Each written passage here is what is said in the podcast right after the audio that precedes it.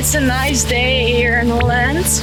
And we have a sexy time here. Ze mochten wel, toen weer niet en toen weer wel dit soort content posten. De makers van OnlyFans. Popular app known as OnlyFans has just announced it will block all sexually explicit content beginning October 1st. Hoe dat precies zit, leg ik, Marco, je uit. En eh, een kleine heads-up. Deze aflevering moet je misschien wel eventjes op je oortjes luisteren.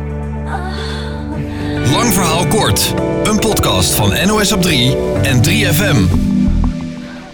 Allereerst even kort voor de mensen die het niet kennen. OnlyFans, dat legt Roosje uit. In september doe ik net een eh, jaartje OnlyFans. En daar post ik eigenlijk exclusieve content op waar mensen dan eh, voor betalen. Ik post lingerie, ik post full nudes, ik post onder andere jerk-off video's. Je kunt op het platform tegen betaling vaak sexy foto's en video's van makers bekijken. Je abonneert je voor een tientje per maand op een kanaal. Ik heb nu uh, laten we houden op 1200 uh, volgers. Die betalen allemaal een tientje in de maand. Van bijvoorbeeld Wet Denise en kunt haar dan ook betalen voor exclusieve content. Ik vraag bijvoorbeeld wel, wil je mijn naam kreunen of uh, wil je dit erin stoppen of dat erin stoppen?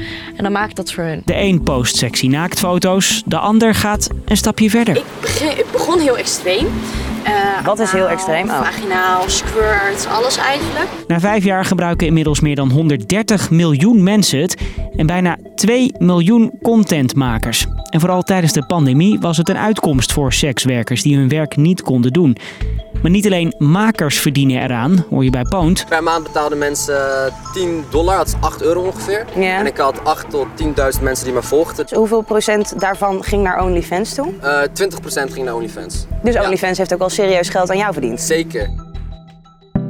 Dus toen dit nieuws kwam. Vanaf oktober mogen gebruikers van het platform OnlyFans geen foto's of video's plaatsen waarin seksuele handelingen te zien zijn. Voelde zij zich bedrogen. En ik vind het eigenlijk een hele, hele domme beslissing, want de sekswerkers hebben hun groot gemaakt tot waar ze nu zijn. Ja. En nu zijn ze eigenlijk de mensen die hun een naam hebben gegeven en hun zo rijk hebben gemaakt.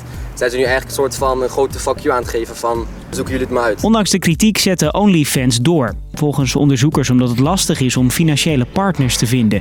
Die bedrijven gaan niet graag in zee met porno. Het zou vooral gaan om conservatieve grote banken, zoals Visa, waar OnlyFans van afhankelijk was voor zo'n beetje alle betalingen aan makers en van gebruikers. Dus als die dwars liggen, tja. OnlyFans voelde zich daarom gedwongen om het wat netter te houden en zich meer te richten op veiligere onderwerpen als koken en fitness.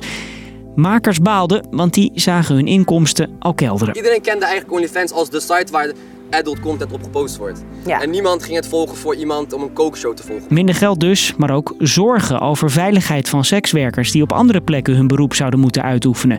Misschien wel in de illegaliteit. Als je alles gaat verbieden op OnlyFans, komen er ook heel veel meiden, denk ik, toch weer bij de wat meer shady bedrijven terecht. Misschien. Waar ze ja, toch minder over het zeggen hebben en niet helemaal een eigen baas kunnen zijn. Maar toen. OnlyFans doing a total 180, scrapping plans to ban sexually explicit material. Na felle kritiek van hun eigen achterban. Volgens OnlyFans zelf hebben ze het opgelost met hun banken.